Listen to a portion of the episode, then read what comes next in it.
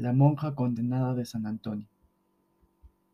Cuenta esta leyenda de Arequipa en la calle San Antonio, en donde antiguamente se encontraba una casona que ahora funciona como un colegio, aunque todas las habitaciones de la institución están siendo ocupadas. Existe un cuarto que aún queda solitario con el paso de los años. Narra esta leyenda de la monja condenada de San Antonio que esa casona era antiguamente un convento en el cual existió una hermana muy devota a la religión. Así que como último deseo, en su lecho de muerte, le pidió a sus hermanas monjas que la dejaran descansar por siempre en esa habitación.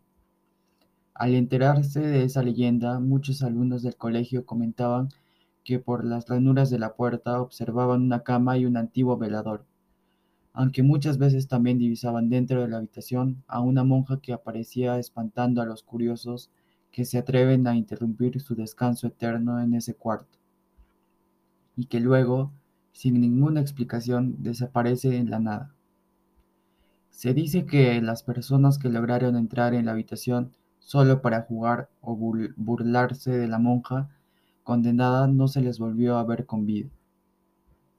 En la actualidad, lo que fuera del, del, convento ahora es un colegio, pero lo curioso es que todas las aulas de la institución están ocupadas, excepto una, y es en esa habitación que ocurren sucesos extraños.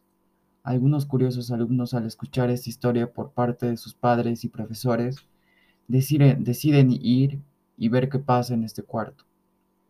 Para llegar a este lugar debes, debes de ir hasta la parte más alejada del colegio y los que han emprendido esta aventura cuentan que por una pequeña abertura de la puerta pudieron ver una cama y una pequeña mesa pero lo más escalofriante es que se puede ver una monja sentada sobre la cama, dándole, la espalda, pero que poco a poco empieza a girarse y cuando está a punto de mostrar su rostro, se acerca a toda velocidad a la puerta, mostrando una expresión de horror, dando un susto de muerte a los curiosos. Así como hay curiosos, también hay escépticos que rechazan la idea de esta historia.